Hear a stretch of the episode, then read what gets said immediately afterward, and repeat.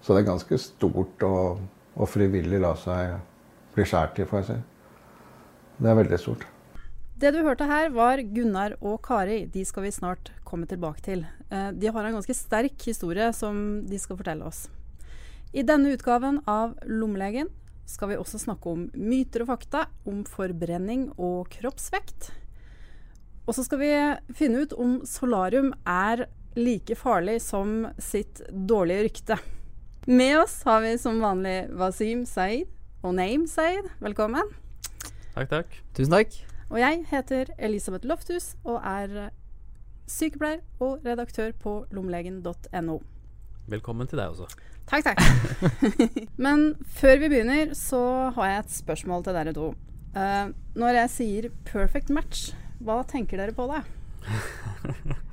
Da tenker jeg på en veldig spennende fotballkamp hvor uh, oh, ja. begge lagene har spilt veldig bra, og så er det, uh, okay. er det Jeg er jo stor fan av romantiske komedier, da, så jeg tenker på et sånn perfekt uh, kjærestepar eller ektepar. Men det er kanskje ikke det du er på jakt etter her? Nei, vi får se.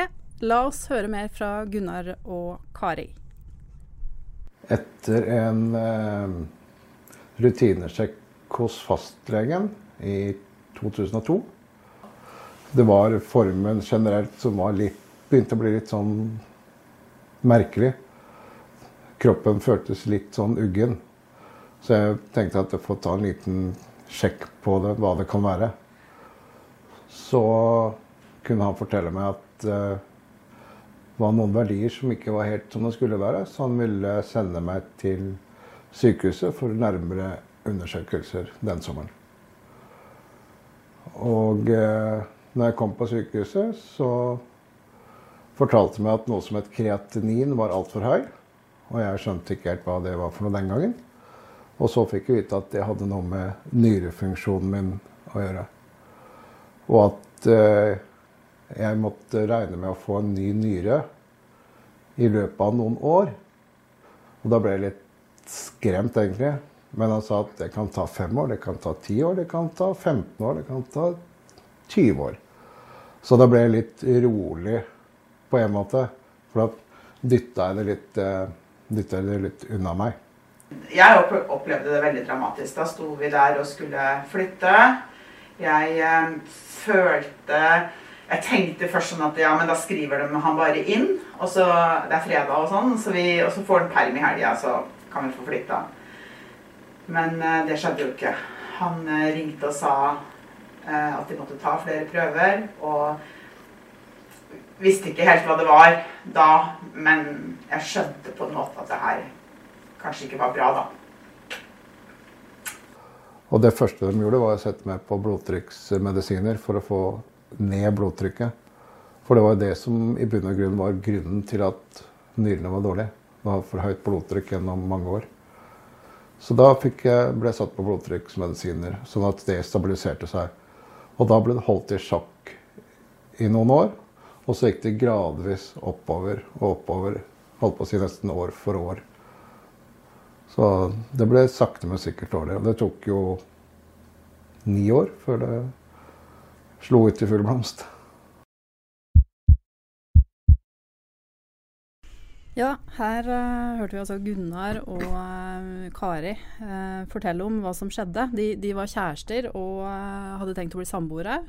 Og akkurat når de skulle flytte sammen, så blei Gunnar veldig Ja, han fikk i hvert fall beskjed av legen sin at han var syk, og at det handla om nyrene. Men hvis vi begynner litt med nyrer, da. hva er det nyrene gjør i kroppen? Nyrene Wasim, de, de filtrerer jo blodet. Mm. Og all blodet renner gjennom nyrene, og slagstoffer, overskuddsvann etc. blir filtrert ut og kommer ut som urin. Mm. det, er vel hovedoppgaven til, til nyrene. Ja, det stemmer det. Rense blodet og, og lage urin. Ja. Det er vel hovedpoenget. Og, og, det pasienten her beskriver, er jo nyresvikt. ikke sant? Egentlig ganske vage symptomer. Mm. Slapphet og føler seg uggen. Det kan være hva som helst. Og legen gjør eh, det alle leger hadde gjort. Bestiller nok et veldig sånn bredt spekter av blodprøver og får Mm. napp på, på kreatinin, som da er en, eh, en blodprøve som, eh, som, kan, eh, som kan avsløre nyrenes eh, funksjon. Mm. Kreatinin er jo egentlig eh, et eh, protein som eh, dannes av at eh, muskler eh, nedbrytes, og har sånn sett egentlig ikke noe med nyrene å gjøre. Eh, men det er jo nyrene som kvitter seg med dette Mm. proteinet ut i urinen, vanligvis.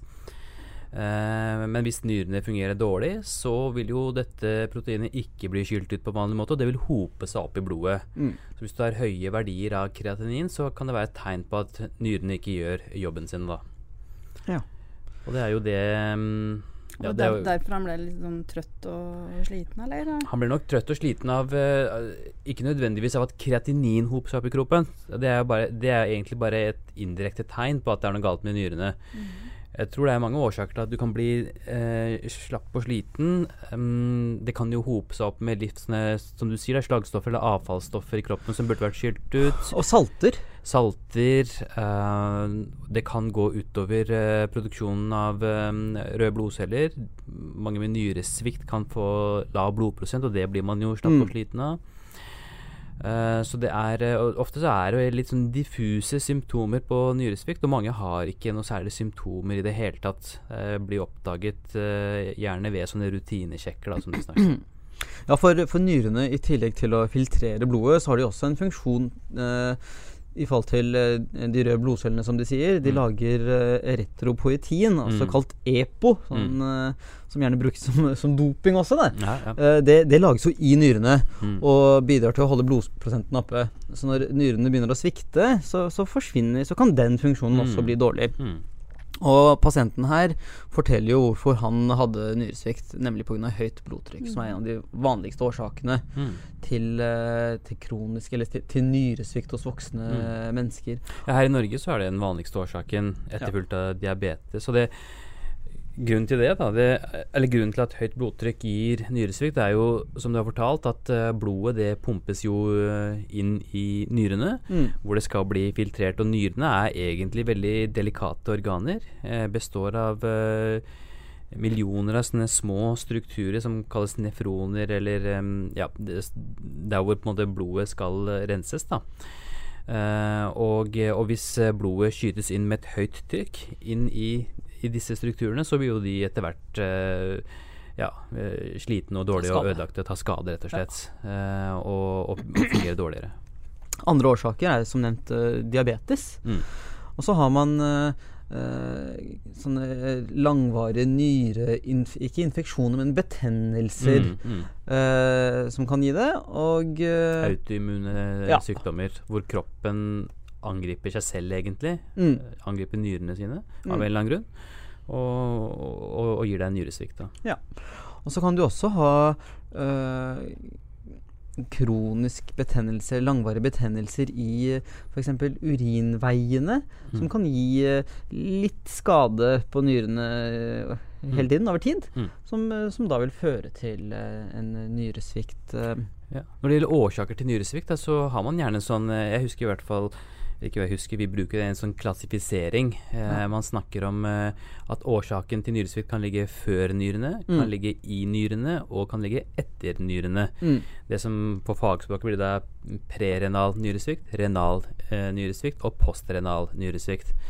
Og, og når man snakker om årsakene som ligger før, da, der er det typisk dehydrering. Mm. Hvis du, får, eh, hvis du har for lite vann i kroppen, eh, eller har blodtrykksfall av en eller annen grunn, så går det jo da mindre eh, blod eh, gjennom nyrene, og, mindre blir renset. Og det er også en form for nyresvikt. Ehm, hvis årsaken ligger i, så er jo det sånn som med han, da, at det er noe galt med selve nyrene. Og så har man det som heter postrenal, hvor problemet ligger etter nyren. F.eks. at det er en eller annen svulst nedi urinrøret. Eh, som gjør at urinen kommer ut av nyren. Nyren fungerer sånn sett, men får liksom ikke passert videre, og det blir sånn stase bakover i systemet. Og det også kan skade nyrene. Ja. Det kan være nyrestein? Ja. Som, som ligger kilt over en lengre periode. Det kan være en, eh, en prostata som er forstørret, som ikke lar uh, urinen passere. Mm. Eh, så det eh, legen gjør her riktig, er, er veldig riktig, det er å sende pasienten inn til, eh, til undersøkelser for å finne ut av hva som er årsaken. Mm. For man må jo gjennom en ganske bred utredning Mm. for å finne ut av hva som er årsaken. Fordi behandlingen i første omgang av en nyresvikt vil jo nødvendigvis være å, å behandle en bakenforliggende årsak. Ja, korrigere årsaken i Mm. håp om at det skal uh... Og her var det jo høyt blodtrykk, så han ble jo satt på blodtrykksmedisiner. Mm. Ja. Forresten så er jo også sånn at nyrene eh, er, spiller en stor rolle i reguleringen av blodtrykket. Mm. Ting er at du kan få høyt blodtrykk, Mm. og at det kan skade nyrene, men nyresykdom vil i seg selv også gi høyt blodtrykk, så det blir en sånn ond eh, ja. sirkel. Mm. Mm. Og så er det vel noe Er det ikke sånn at også um, binyrebarken eh, Mm. og sykdom der kan medføre at man får eh, høyt blodtrykk sekundært? Mm. Ja. Begynnerbarken er jo en struktur som egentlig er litt separat fra nyren. Det er en sånn hormonproduserende Mm. kjertel som eh, ligger oppå nyrene.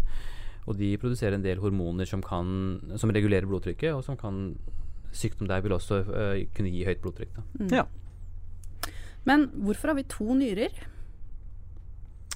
Ja, vi har jo to av alt i kroppen, det. ja. Ikke Eh, alt. Ikke lever. Ikke, ikke lever, det er sant. Ikke lever. Ikke Eh, Nei, ikke, ikke lever og mylt, det er helt Nei, riktig. nei. Men, eh, men mye i kroppen er faktisk uh, Fins det faktisk to av. Altså kroppen er uh, lagd med en del reserver. Og uh, man kan faktisk fungere helt bra med én nyre også. Mm. Eh, noen har bare én nyre. Noen har en eh, eh, nyre som kan, kan være vokst sammen, slik at det ser ut som en sånn hestesko. Mm. Og da kalles det gjerne for hesteskonyre.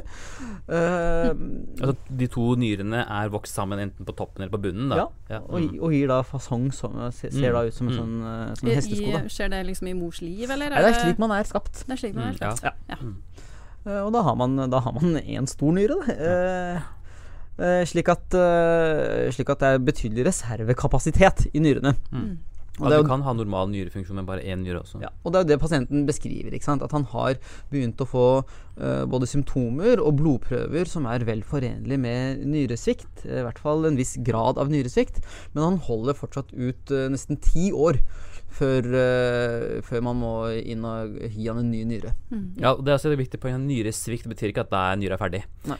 Eh, man har begynnende nyresvikt, altså at, at en eh, bare er litt nedsatt. Det, kan jo, det klassifiseres også Man snakker om eh, stadier av nyresvikt, deles inn i fem stadier. Mm. Eh, og det er gjerne når du har passert eh, stadium fem at det begynner å bli såpass alvorlig at du trenger eh, avansert behandling da, for dette. Mm. Mm. La oss høre hva som skjedde videre med Gunnar og Kari. I desember 2010 så fortalte legen på sykehuset om at nå setter vi i gang prosessen med en nyretransplantasjon.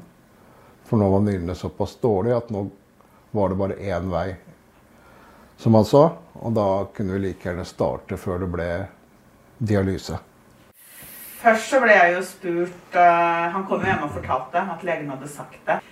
Uh, men jeg sa ja ganske fort. Men at jeg kunne gi, var jo ikke noe selvfølge.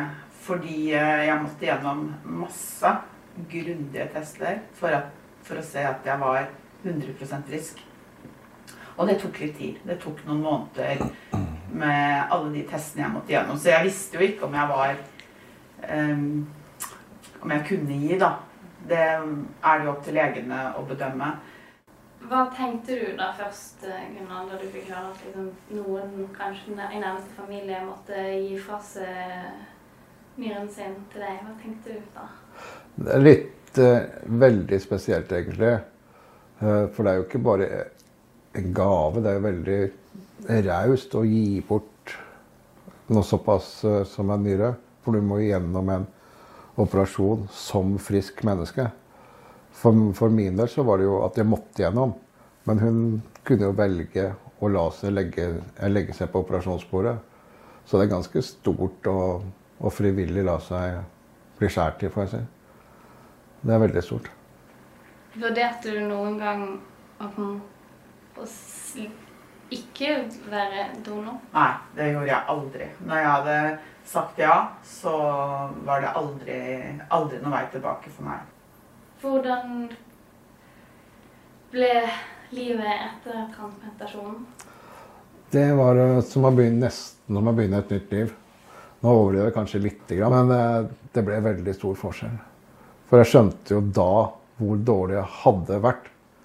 Når jeg merka at formen kom sakte, men sikkert ble bedre og bedre og bedre.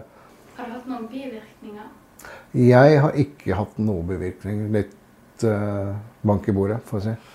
For jeg har sluppet unna det som er, heldigvis. Etter operasjonen har jeg vært, eh, var jeg veldig dårlig. Eller jeg var Jeg kjenner at jeg har vært gjennom en operasjon. Mm, absolutt. Eh, eh, men fra da så har jeg ikke merka noen ting. Ingenting. Jeg har bare blitt sprekere og sprekere fordi at vi lever helt annerledes. Vi er på turer, vi har gått Besseggen, vi har vært på Gaustatoppen. Vi reiser mye.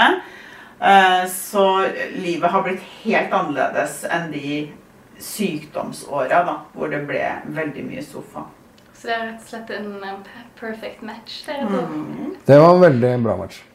Meant to be. Ja.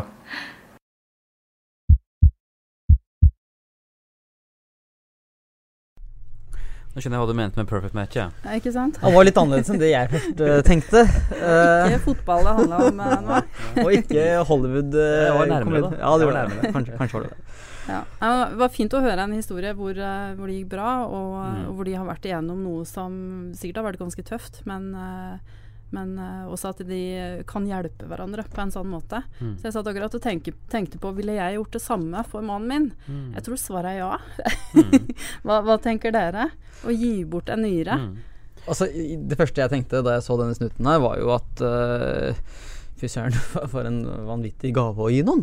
Mm. Å kunne ha muligheten til å kunne, kunne redde noens eh, liv Mm. eh, ved å gi litt av eh, eh, sin egen kropp. Ja. Eh, så det, så Ja, det det er veldig mye, mye respekt for. Ja, det er kjempeflott gjort. Eh, Nå er det jo sånn at pasienter som får nye organer, om det er nyrer eller lever eller andre ting, så er det jo stort sett ikke sånn at de får det av noen i familien, eller at giveren er Mm. en levende person. Mm. De fleste organer kommer jo fra eh, pasienter som eh, dør på sykehus av andre ting, Mm. eh, og som da kan donere organene sine og, og, og redde andre pasienter.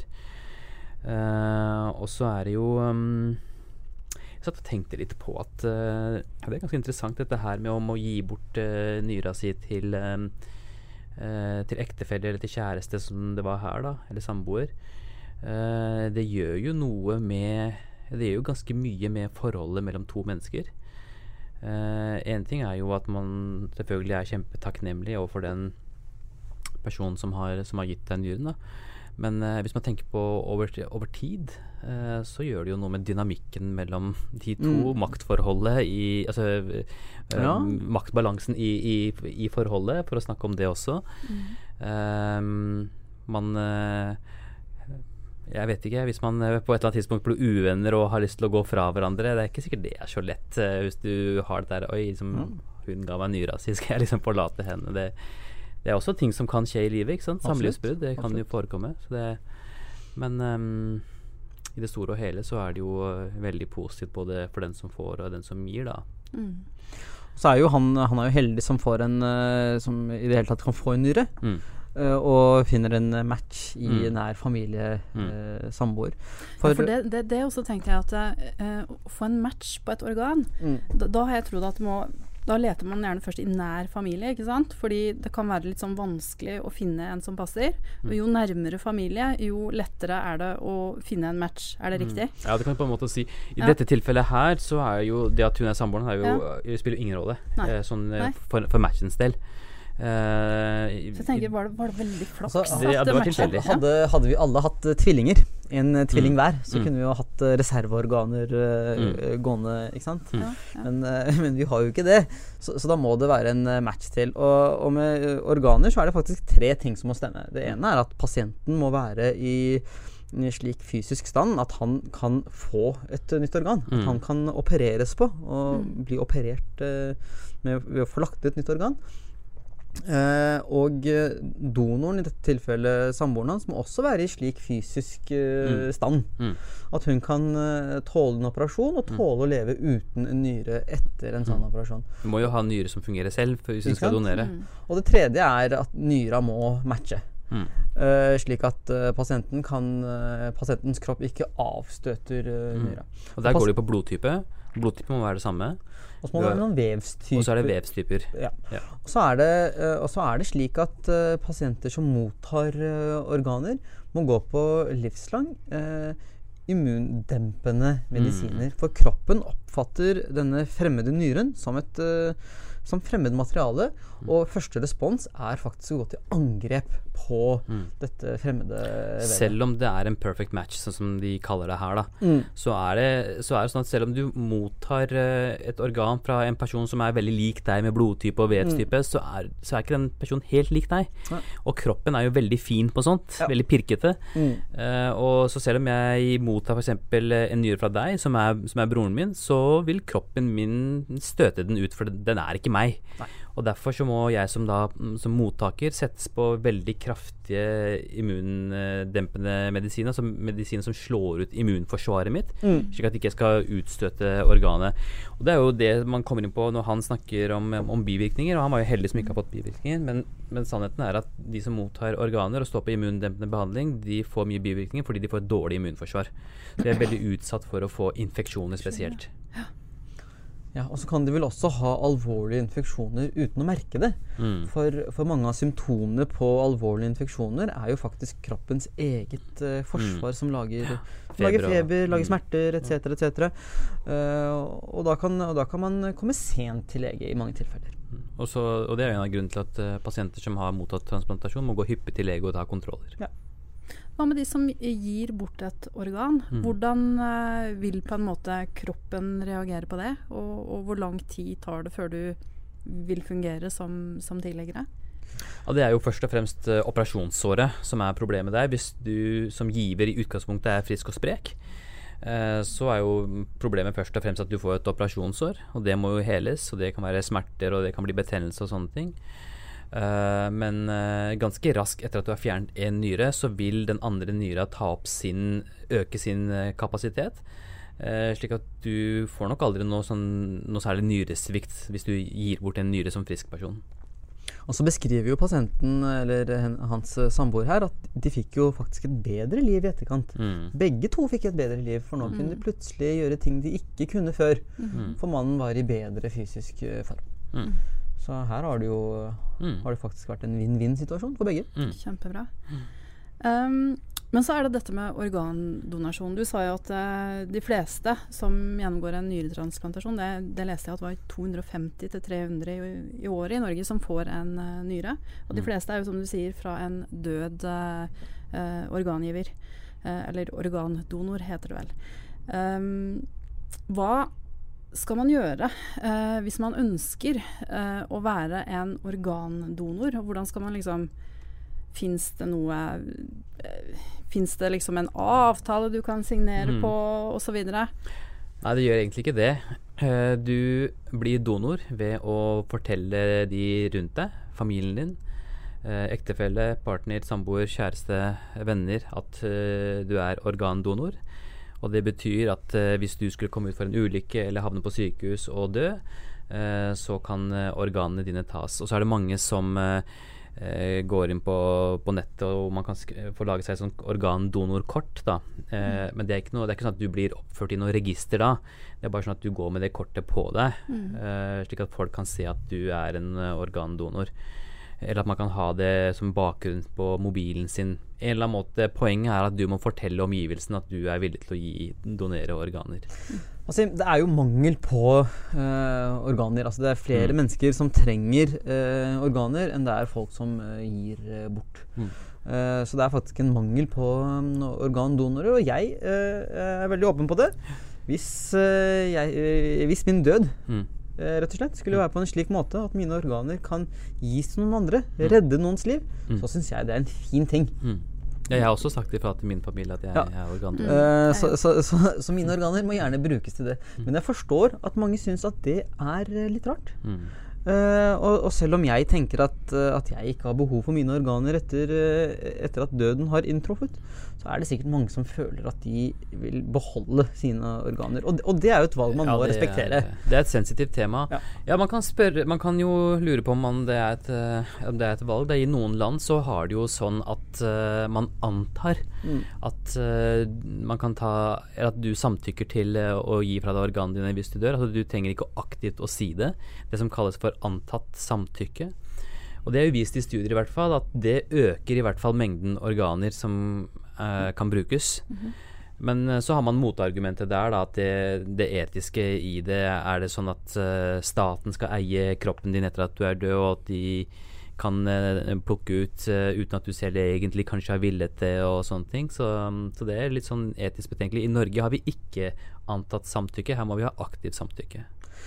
I, eh, I noen land så har det jo etter hvert uh, utviklet seg et, eh, et, et svartmarked for Mm. organer. Mm. Hvor, uh, hvor uh, velstående mennesker, da, rike Mm. mennesker, betaler fattige mennesker og, og, og kjøper deres organer hvis de, hvis de trenger det. Mm. Eh, og, og myndighetene har i forskjellige land har forsøkt å motvirke dette ved å regulere slik eh, handel. Mm. Eh, så, det er, så det er et vanskelig eh, tema. Det er vanskelig å navigere seg i dette. Det er ett land i verden som har null ventetid på, på nyrer. Eh, og det er på nyretransplantasjoner. Det er Iran. Ja. Og det er fordi de har innført sånn statlig kjøp og salg av organer. Da. Så du kan, kan selge, og det er regulert, og det er via staten. Mm. Så det, det har ført til i hvert fall at de har mange flere organer å melge mellom. Da. Betyr det at du kan eh, som frisk person bare selge en nyre og få godt betalt? Ja. Er det sånn det foregår? Det er sånn det Det foregår. er sånn det foregår, ja. Mm. Kanskje noe tenker vi på for norske myndigheter. Denne diskusjonen har har vært vel, ja. litt sånn, ikke veldig oppe i samfunnsdebatten, men eh, diskuteres eh, rundt omkring at det Ja. kan være Ja. mulig. Men klart, det har også eh, etiske betenkeligheter ved Ja. seg. ikke sant? Ja. Folk som kanskje har dårlig økonomi Mm. og egentlig ikke burde ha donert, eh, begynner å selge, eller at noen Mm. føler seg presset til å gjøre det. Og, så mm, det er jo mange aspekter av det. Absolutt. Den viktigste oppfordringen blir vel eh, at du snakker med dine nærmeste om du ønsker å være organdonor. Mm. Det, det er kanskje noe alle bør gjøre. I hvert fall ta praten. Mm. Eh, hør også med dine nærmeste hva de tenker. Mm. Kanskje flere vil, eh, vil eh, få organer som trenger det på den måten. Mm. Ok, vi skal videre. Um, vi um, Ja, først skal jeg si at eh, hvis du vil vite mer om nyretransplantasjon, så kan du lese mer på foreningen LNT sin nettside. Du kan også lese noe om dette på Lommelegen. Men nå skal vi snakke om noe helt annet. Vi skal snakke om eh, forbrenning. Og når det gjelder forbrenning, der er det i hvert fall mye myter uh, ute og går. Um, og også så er det ikke sikkert at forbrenning egentlig handler så mye om kroppsvekt og, og, eh, og den type forbrenning av mat. Uh, kan vi ikke begynne å snakke litt om hva er forbrenning? Ja, altså Forbrenningen i kroppen ehm, er, Det vil jo si hvordan eh, næringen du inntar, hvordan den eh, omdannes til, eh, til energi og til byggestener i kroppen. Og den styres i all hovedsak av skjoldbruskkjertelen, som er et hormonproduserende organ, på størrelse med en sånn eh, sløyfe. Tenk, Mm. tenk, tenk deg en sløyfe, litt, sånn, Mm. litt høy, litt kort sløyfe, og sitter akkurat der hvor en sløyfe vil sitte. Eh, Like nedafor uh, adamseplet. Og eh, eh, den kjertelen produserer da hormoner som regulerer forbrenningen. Eh, hvis man har for lavt nivå pga. sykdom, for lavt nivå av disse hormonene, så vil man få det som kalles for hypotyreose. Mm. Hypo betyr da lavt eller lite. Eh, har man for mye av disse hormonene, så vil man ha det som heter hypertyreose. Hyper er et ord man kjenner igjen. Mm. Rask eller høy Mm. eller etc. Har man eh, hypotyreose, så har man lav eh, forbrenning.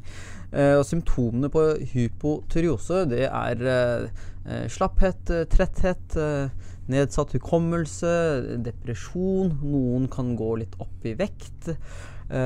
Mange vil ikke tåle kulde så godt. Forstoppelse. Forstoppelse. Mm. Symptomer på hypertyreose, altså høy forbrenning, er igjen litt vage. Da, litt slapphet og tretthet, men også det at man eh, eh, kan, eh, kan gå litt ned i vekt, og tilsvarende ikke tåle eh, varme så godt. Mm. Fordi kroppen uh, skrur opp uh, termostaten hele tiden. Mm. Får høy puls og Ja. svetter Ja. og blir irritert. Men når man snakker om forbrenning, Mm. så er jo ikke det pasientene vil uh, høre. Pasienten vil gjerne vite hvordan kan jeg få sixpack? Mm. Hvordan kan jeg eh, forbrenne det fettet jeg har rundt uh, midjen? Nå, jeg, jeg har ikke hatt sixpack på 15 år. Jeg vet at du har det, Wasim, fortsatt. Hvordan, får man, hvordan får man sixpack, da?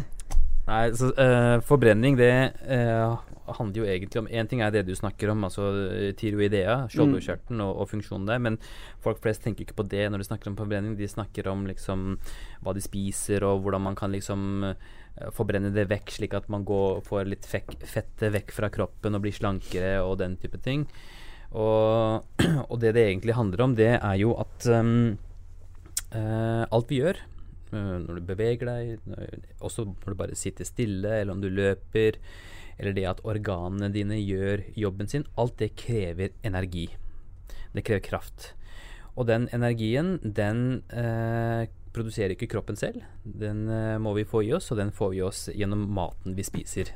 Maten du spiser, blir brutt ned, dannet om til eh, energi som kroppen kan bruke til de forskjellige funksjonene.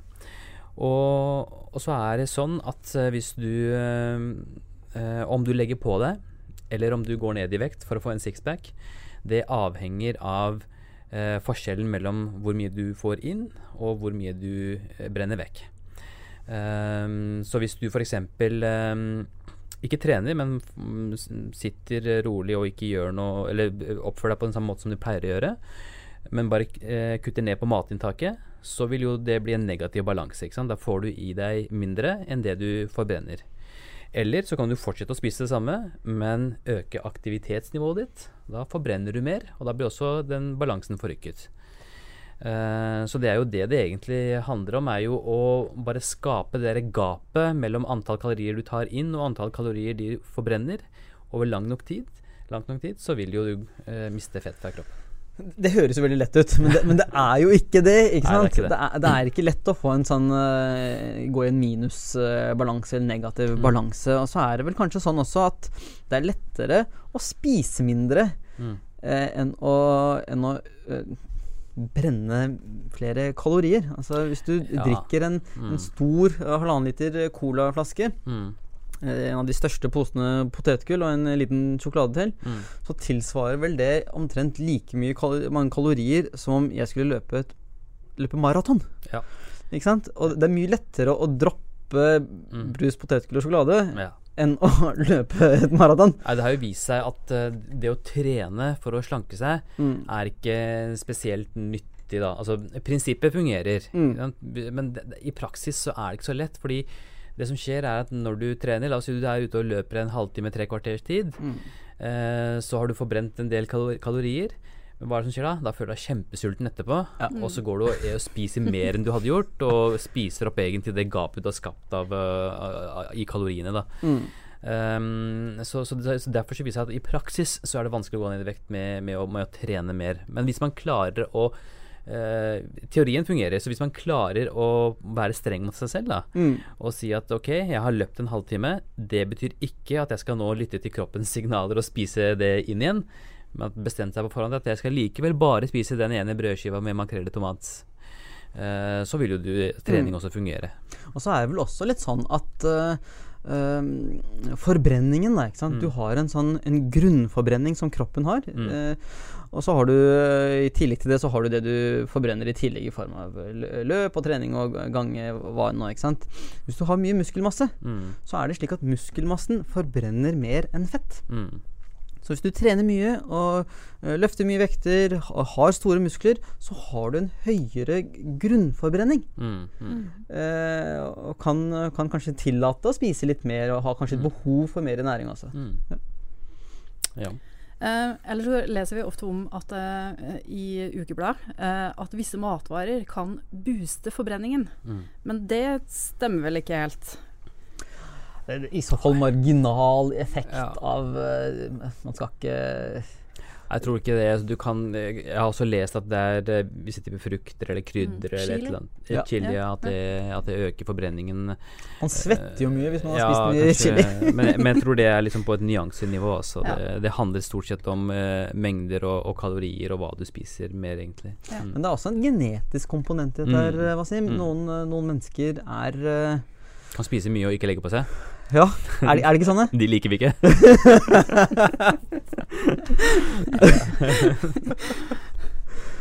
Men ja, fordi ikke sant, eh, hvis man eh, har overvekt, så kan, er, er det jo også en diskusjon. Ikke sant? Er du Mm. født sånn, eller er det miljøet som gjør at du blir sånn? Mm. Og kanskje også i forhold til barn da, og, Mm. og overvekt. Mm. Ja, det er en kombinasjon, helt klart. Vi er forskjellige. Eh, når vi snakker om sånne prinsipper at du, må, du kan eh, spise mindre og trene mer, og, og da går du ned i vekt, eh, sånn, så, så er det generelt, og det gjelder kanskje de fleste, men det fins mange unntak. Eh, og det er uh, folk som, uh, som vi sa, naturlig de kan, Alle vi kjenner en eller annen som er sånn superslank og sitter og spiser sjokolade hele tiden og legger aldri på seg. Yes. Virker veldig urettferdig. Mm. Mens det er andre som på en måte Som sier at de knapt egentlig spiser noe særlig mer enn andre, men likevel legger på seg. Så det er jo litt med Det, det, er, for- det er forskjeller også. Ja, og så må det være lov å si, Wasim, eh, at, at selv om man ser at overvekt kan gå i familier, Mm. så er det ikke kun genetiske Mm. faktorer i familien som gjør at det Nei, går i, nei, det er i arv, ikke vaner Det er også vanene i familien. Mm. Hvordan familien eh, Hva slags mat familien spiser, og Mm. hva slags fysisk eh, aktivitetsnivå Mm. det er i familien. Men om, om, et, om en person har arvet vaner og sosiale ting, eller arvet gener, er det egentlig så stor forskjell? Eh, liksom det, det, det å arve vaner kan også være veldig sterkt og, og ha veldig mye å si for hvordan du blir som menneske, kanskje vel så mye som genene dine. Da. Vanene er jo veldig vanskelig å endre. Mm. Genene er umulig å endre. Ja, det er en liten forskjell der. Mm. Mm. Men hvis du da ønsker å øke din forbrenning, Mm. så er vel eh, oppsummert det dere sier nå, er at det er ingen spesiell type mat du kan spise for å øke forbrenning. Men da gjelder det å være aktiv, bruke kroppen, trene. Mm. Det er det som øker forbrenningen. Mm. Det er det som øker forbrenningen. Og, eh, og så har jo han snakket om eh, disse hormonene, Ja. tyroidea-hormonene. Ja. jeg vet at noen eh, bruker det som en farlig strategi. At eh, selv om de ikke har noen sykdom i skjoldbruskkjertelen, så spiser de sånn tyroksintabletter. Fordi det er et hormon som øker forbrenningen, og de slanker seg med det. Det fungerer, men det er farlig. Fordi som vi vet, tar du for mye av det hormonet, så kan det gå utover eh, eh, hjertet ditt. Du kan få farlige hjerterytmeforstyrrelser. Eh, Så det er, og- det er en medisin, er som, medisin, som skal og- brukes for lavt stoffskifte, Ja, og, sykdom, og ikke ikke som uh, slankemiddel. Mm. Så, så hvis du gjør det, eller har tenkt å gjøre det, så slutt å gjøre det, og slutt å tenke Ja. på det. Mm. Og hvis du da eh, tenker at du har symptomer på faktisk eh, lavt stoffskifte, eller hypotyroidea, da er det vel sånn at du bør gå til lege, eh, og ikke begynne å medisinere deg selv. Ja, du, har du får ikke tak i de medisinene uten resept. Absolutt.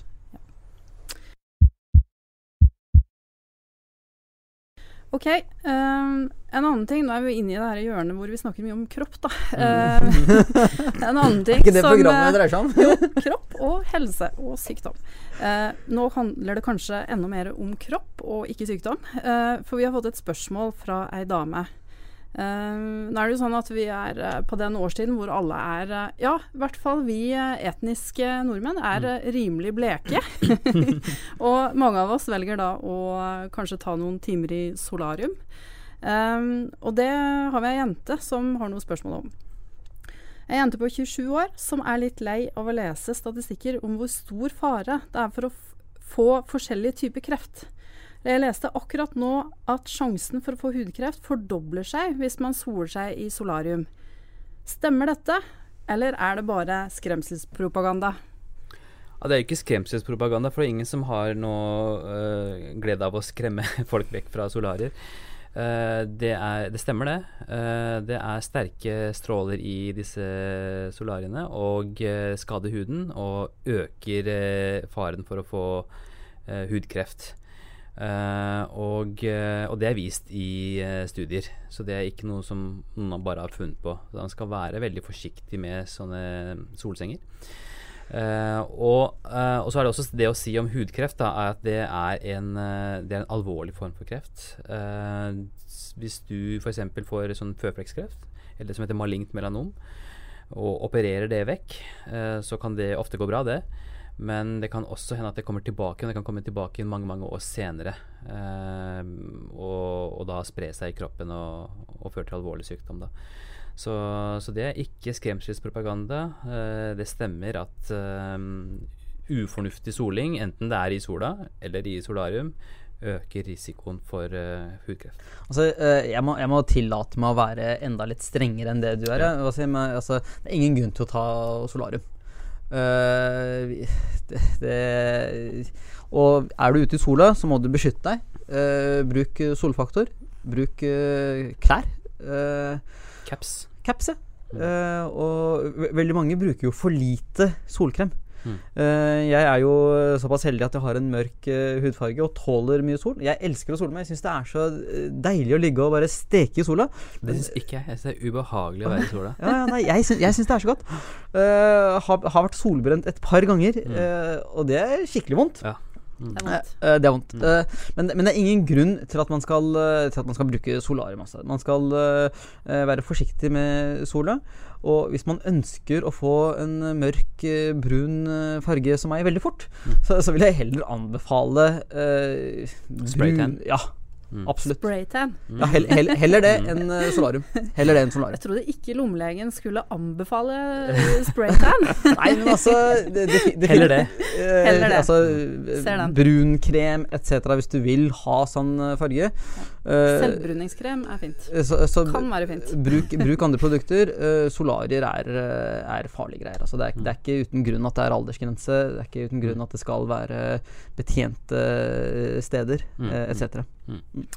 Så eh, jente 27 år, det er helt riktig at eh, solarium eh, øker kreftrisikoen. Det er ikke skremselspropaganda. Mm. Eh, og Wasim og Name sier 'slutt å sole deg i solarium'. Mm. Enkelt og greit. Ja. Det var alt for i dag. Vi er tilbake neste uke med en ny episode. Ny pasienthistorie og flere gode råd fra våre leger.